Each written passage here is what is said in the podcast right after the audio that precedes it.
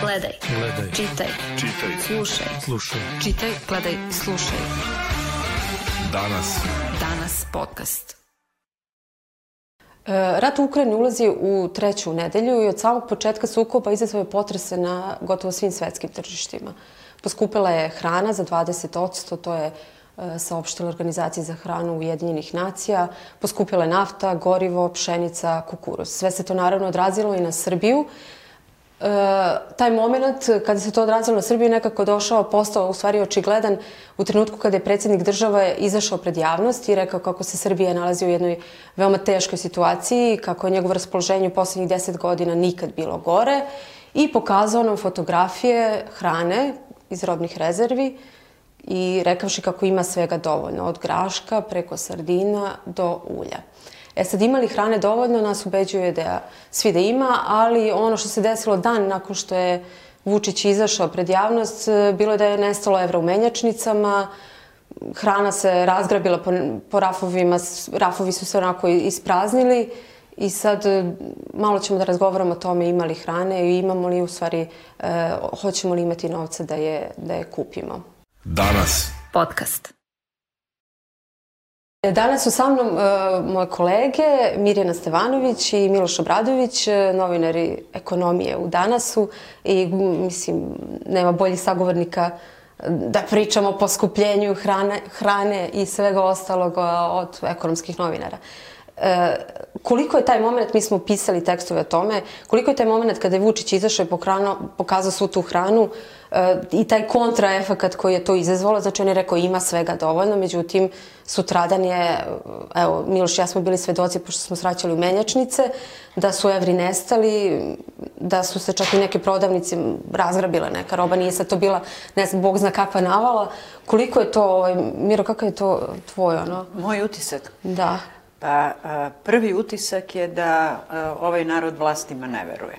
Odnosno, ne veruje kad institucije kažu da je sve u redu, ti odmah ti proradi crv sumnje onako, ma da li je stvarno to u redu i to. A, to ima i realnu osnovu, jer kod nas, kad god je, ne samo kod nas, nego u čitavom svetu, kad god je neka kriza, osnovno pitanje koje se postavi to je da li će biti hrane, odmah sledeće, kakve će biti cene kad se kaže hrana, tu se uglavnom misli ne samo na, e, na prehranu, nego i na sve ono što prati, znači energenti ovaj, i sve ono što je neophodno za život. Ono što je bitno e, pre ovog ukrajinskog sukoba, odnosno sukoba u Ukrajini, e, bila je još jedna, još uvek traje ova kriza pandemije tako su se dve praktično Krize. situacije, da. da, bome, nadovezala jedna na drugu i zato su ta pitanja postala mnogo, mnogo oštrija.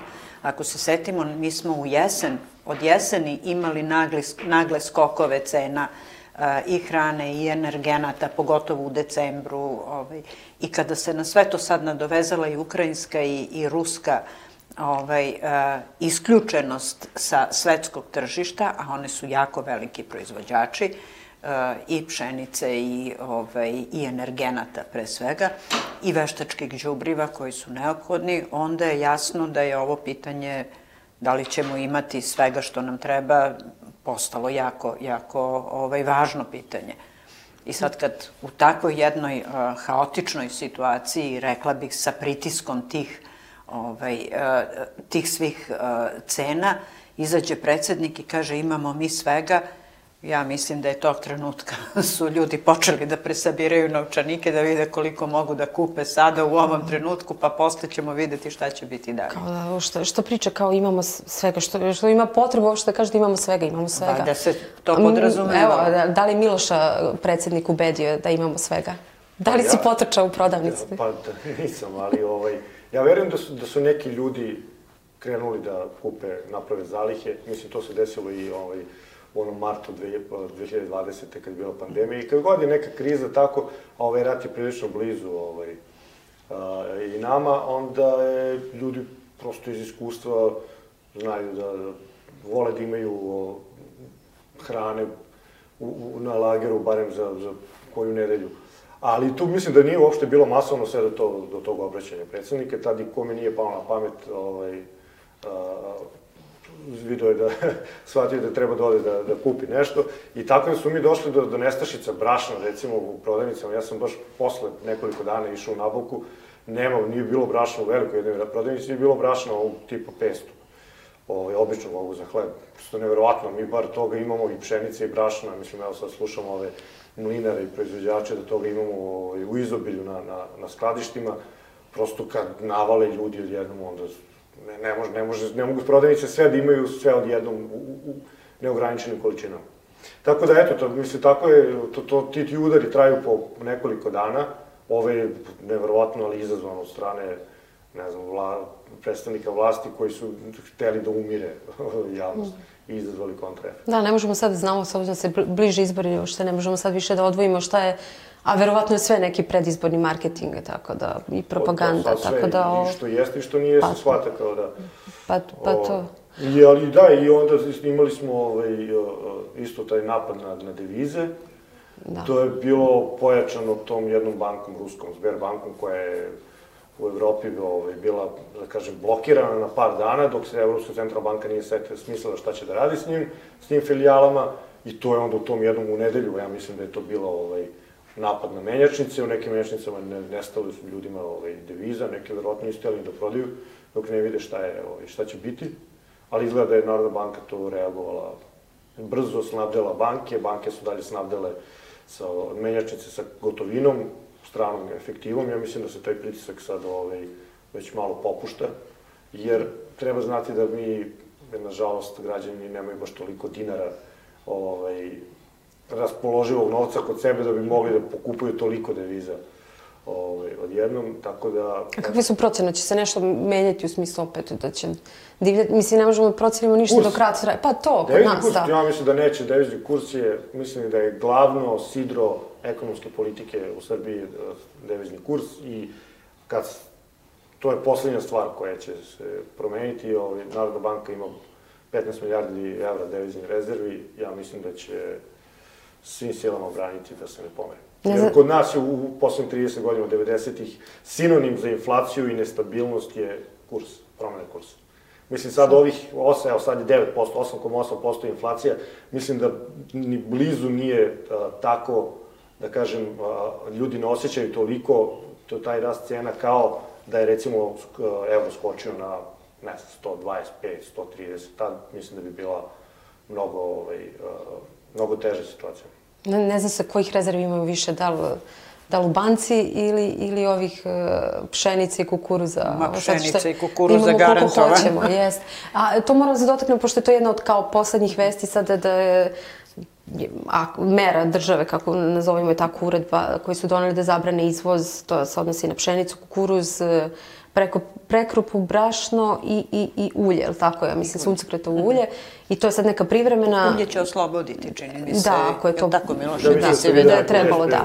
E, to je sad neka privremena i otprilike, kako, je, kako su i meni rekli u ministarstvu, to je...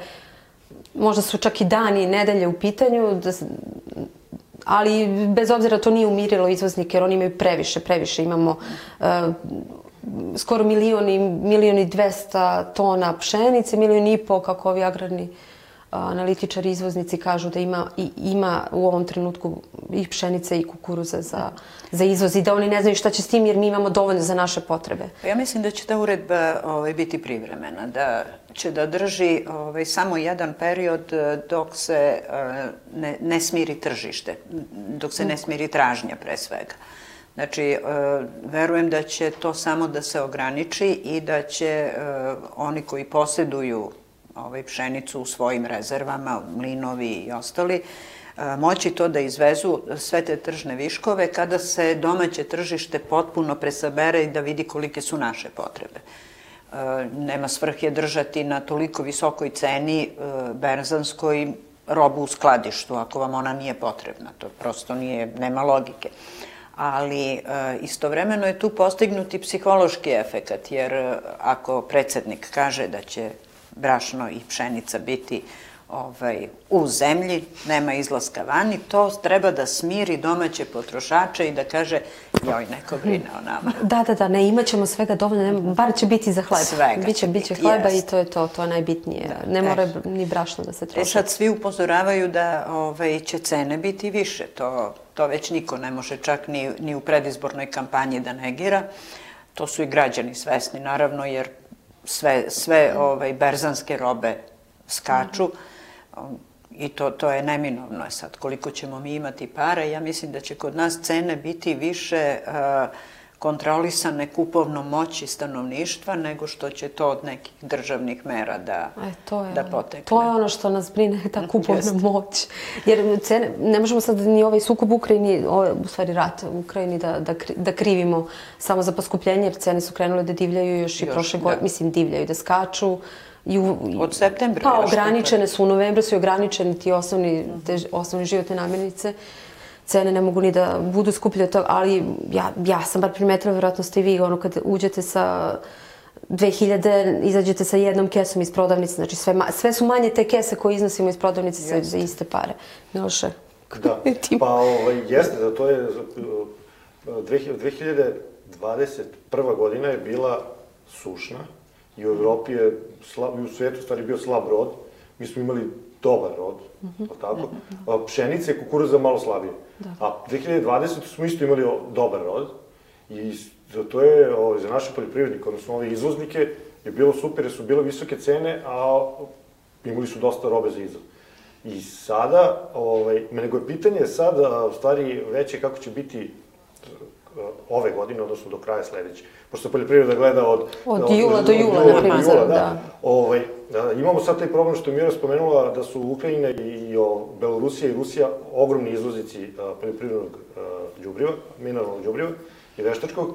I sada, ako recimo, kad bude setva na proleće, ako svet, u recimo Ukrajina, ako se ovo produži, Ukrajina je ogromna zemlja, poljoprivredna, ako recimo ne obavi setvu na vreme ili u, na, na površinama ovaj, odgovarajućim, ne znam, Rusija verovatno hoće, ali i ostatak sveta, ako ne bude dovoljno đubriva, pri, prinosi, on neće baciti dovoljno, prinosi neće biti a, a, Onakvi, veliki da. ili uobičajeni, što znači opet da ćemo imati lošu godinu, globalno, što znači da ono tamo sledeće godine, da, da, da ovo uopšte nije kraj visokih cena poljoprivrednih proizvoda, hrane, da bi to moglo da se nastavi, barem još godinu dana, i onda može biti, ovaj, može biti, što da smo tek na početku nekog ciklusa skupe hrane i skupe energije, što nije bilo, recimo, prethodnih od 2012. godine, mislim, ono kad je bila nafta preko 120, da, ovaj, da ulazimo ponovo u taj neki ciklus gde će biti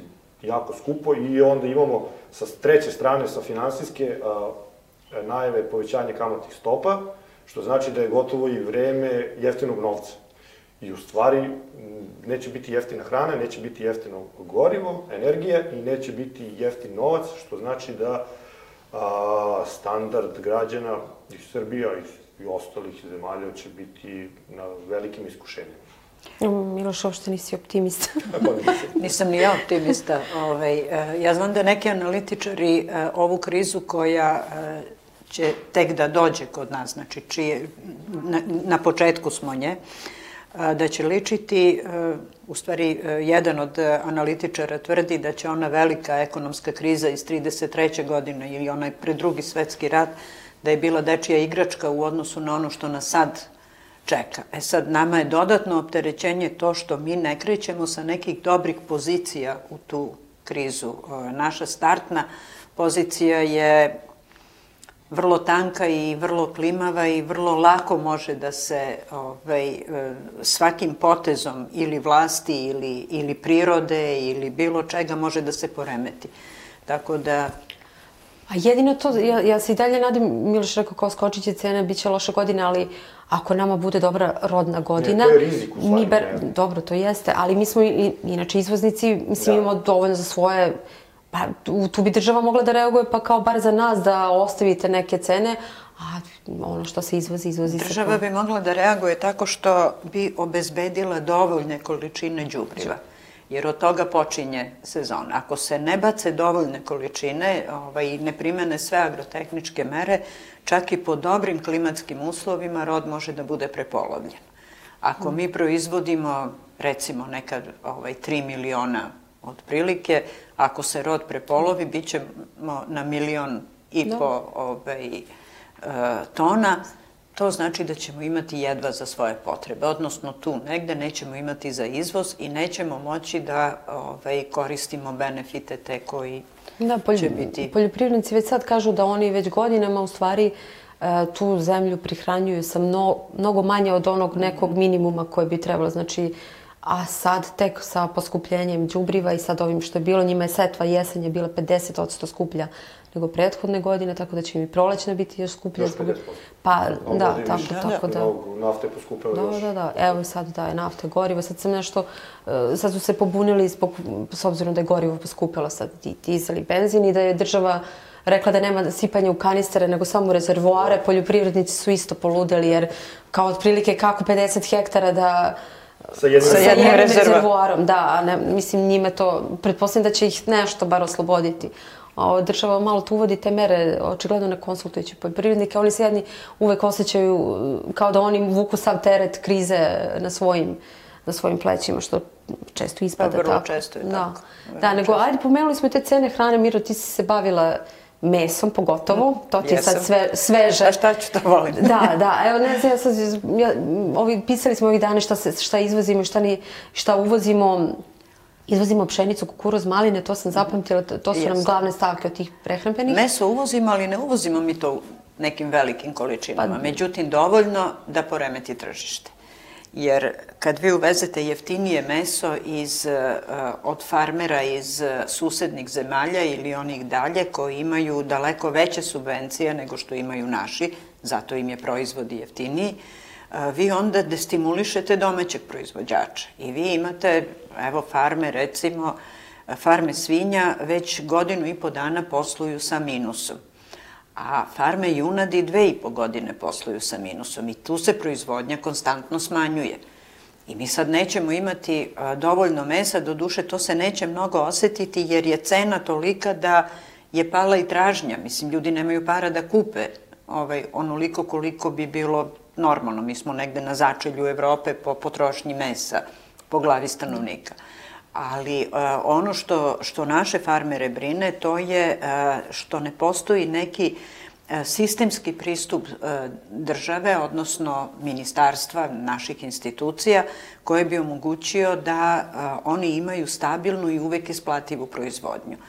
Jer kako oni kažu, samo oni koji imaju zaokružen ciklus, a to je nekoliko velikih proizvođača i niko više, nema, prosto ne, nema stimulacija da se tako nešto uspostavi, Znači, oni koji imaju ratarsku proizvodnju, pa mogu na vreme da obezbede ovaj, e, sve što je potrebno za stočnu hranu, pa onda oni koji imaju farme, pa imaju klanice svoje, pa i svoje prodavnice ili svoju jaku distributivnu mrežu, oni nekako prelivanjem iz jednog u drugi sistem mogu da budu ovaj, u nekom tankom dobitku, ali svi oni ostali koji se usmere samo na jednu od ovih proizvodnji, što bi bilo logično, nije pametno da se rasipa snaga na sve, međutim u našim uslovima izgleda da je Samo to jedino moguće. veliki da prežive, mali će da propadnu. Tako je bilo u Upravo Hrvatskoj, to, da. jest. Oni su, svi koji su imali na malo, svi koji su bavili to stočarstvom, većina je, ne svi, ali većina je, većina je propala, jednostavno zatvorili su i to je to.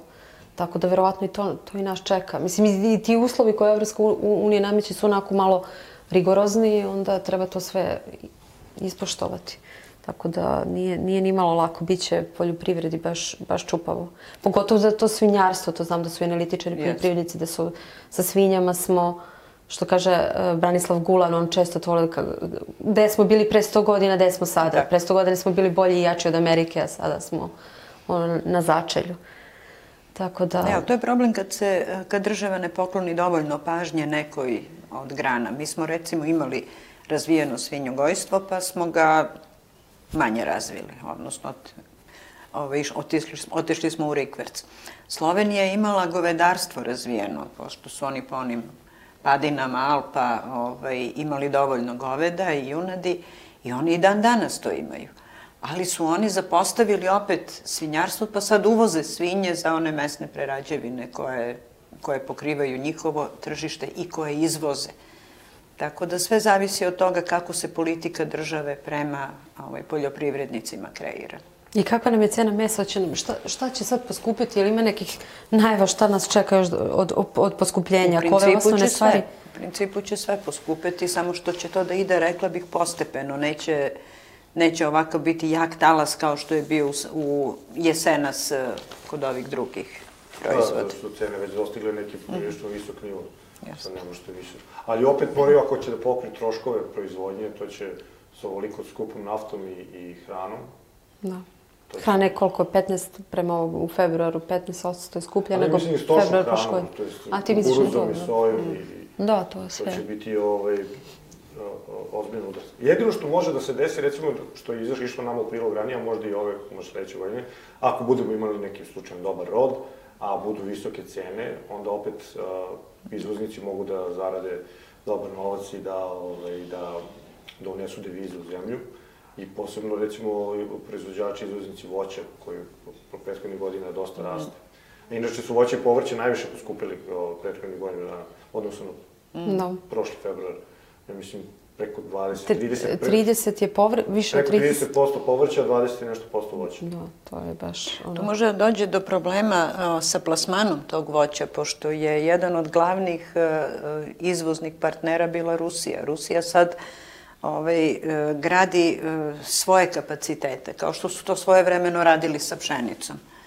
Ovaj, pa su od uvoznika velikog postali veliki izvoznici, oni to sad isto rade i sa voćem, tako da se to tržište polako smanjuje za, za našu robu i vidim da naši voćari već traže neka druga, Druga tržišta, tržišta, da se da. već ove, šalju za Indiju i Da, vidjet ćemo da. kako će to da prođe. Čini da je taj naš uvoz i izvoz iz Rusije nije baš toliko veliki koliko građani nekako percipiraju da jeste, jer nama Da. ipak Evropska unija najveći, najveći, da kažemo, saveznik u tome, najviše izvozimo njima, 50, 55% je 60. skoro 60 to, CEFTA, tako da Rusija je neki 5, 6, 6% samo. Jeste, ali ako se Rusija zatvori za Pa ostale dobro, izvoznike, onda Da poremeti se celo Da, tržište. da. Ali zanimljivo je to kako je u stvari Rusija ja- jako i Ukrajina su jako slabo uvezane u te svetske lance snabdevanja. Ali to se uglavnom odnosi na industrijske proizvode, recimo, ali zato kad se radi o sirovinama, poput metala, Mhm. gasa, nafte, pšenice, kukuruza, suncokret, Ukrajina ogroman izvoznik suncokret, uh, ulja, ovaj, a, to su stvari za, na koje nema, ne možete da promenite sad kao ne, zamenit ću nečim drugim. Znači, ne možeš da zameniš pšenicu ničim drugim, možda tražiš dugo tržište, ali to je svetsko tržište već u ravnoteži ponuda i traže. Ne možete kod jednom toliki manjak, ako bude manjka ovaj, u ponudi. O, a i čini mi se da, Rusija je zabranila izvoz pšenice. Jeste, Jeste. jeste. Tako da ovaj, to će biti ozbiljan, ozbiljan problem koji ne može lako tržište da reši, samo rastom cena. Pa rast cena se već vidi, ovaj, evo sada je već pšenica preš, prešišala 400 evra ovaj, za tonu. To znači negde oko 45 dinara za kilogram je dostigla. Da. To je, Kod- to kod je stravična da, da. cena. Kod nas je ja znam da je 35. recimo pre deseta godina poljoprivrednici su vapili da im se podigne cena na 20 dinara, jer je bila neka loša godina i šta ja znam, a sad možda zamislite više nego duplo. Je Jeste, otišla, to nije, nije za pocenjivanje taj rast. A Sad imamo mi problem, mi građani. Mi građani imamo problem kako da ispratimo to s ovim platama koji stoje u mestu. Da, hoće li se to nešto menjati? Jel očekujete, na primjer, da i u koje, u koje, u, kakve cene treba da se desi da, da bismo dobili neke povećanje, povećanje plate? To ne mislim sad samo na nas u našoj firmi, nego ono, generalno. Evo, generalno će vrlo teško je biti sa povećanjem plata. To što će da se dobije pred izbore, dobit će se i to će uglavnom ovaj, korist da imaju oni koji su eh, vezani na neki način direktno ili indirektno za državnu kasu. Svi ostali koji se nalaze na tržištu, ja mislim da neće imati mnogo prostora za, za podizanje zarada, jer su prosto uslovi privređivanja takvi da vi na ovom tržištu više ne možete tako visoku dobit da ostvarite da bi to moglo da se odrazi na plate zaposlenih.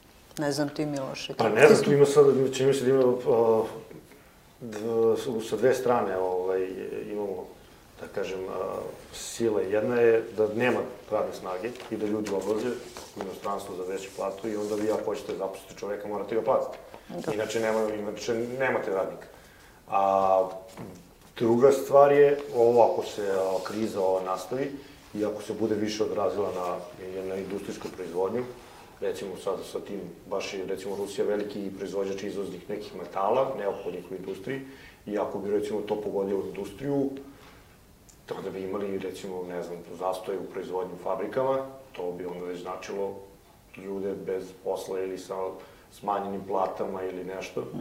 I tako da se pitanje, mislim, ako bi se recimo ova kriza završila jako brzo i ako bi se nekako tu povratila ravnoteža ovaj, u, u, na globalnom nivou, ja mislim da nema razloga da, da, da recimo padaju plate ili tako nešto, ali treba imati u vidu da i ako raste plata, a, imamo veliku inflaciju, znači ako bi plate porasle 10%, a mi imali inflaciju 10%, to znači da plate bi samo zadržale kupovnu moć, nisu, nisu porasle.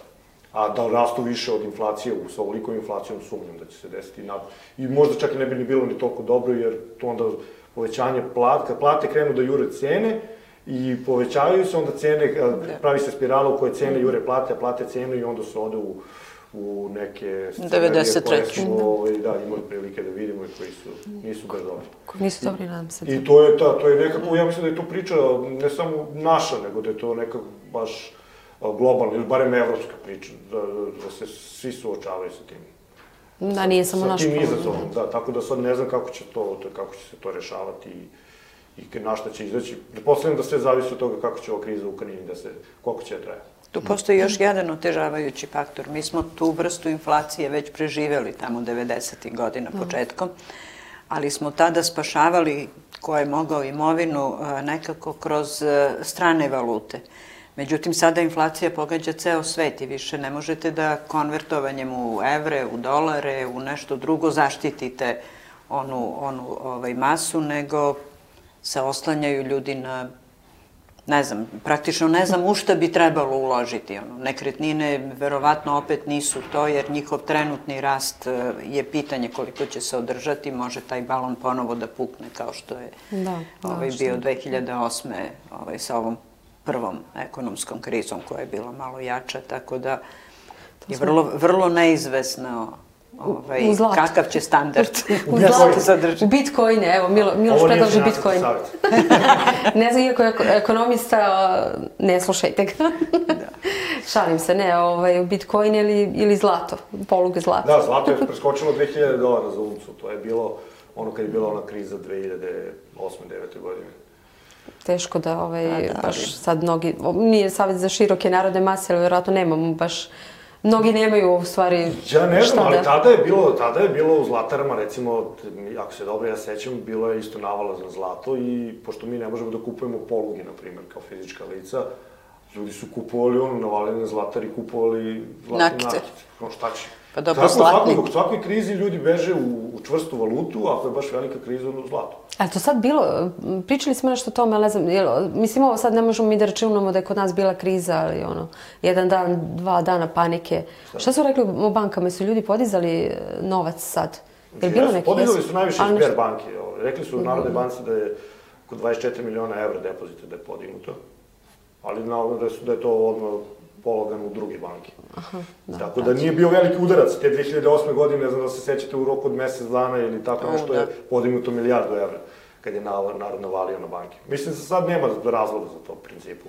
Za, za sada, valjda pa neće nema, biti. Pa nema, ne, šta da uradite s tim parama. U ovim našim bankama nikakva opasnost ne preti, realno. Ne znam s koje strane bi moglo sada da, da, da oni ostanu bez para. Da. Mi smo i dalje sankcije nas pogađaju se samo indirektno sankcije prema Rusiji i, i Rusije prema uzvratne rat se dešava u inostranstvu. Mislim, nas ništa nas ne pogađa.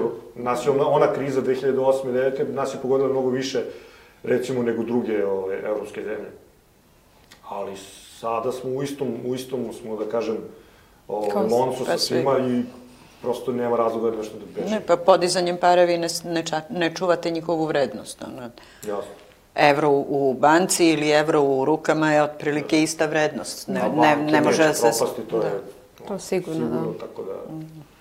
Ništa to je to. Znači, u suštini smo zaključili da koliko možemo da zaključimo da hrane ima, da ne praznimo prodavnice, bar za sad. Da. Mislim, nadamo se da će ovo kriza da se završi što pre, u stvari ne kriza, nego rat u Ukrajini će što pre da se završi, tako da ovaj, najviše zbog tih ljudi tamo koji Jer pandemija je već gotova. Kako bi- je izbio rat, gotova Mogli bi pandemija. malo da povedu računa, recimo, potrošnje, da se ne troše na, na malo sve svašta. prištede.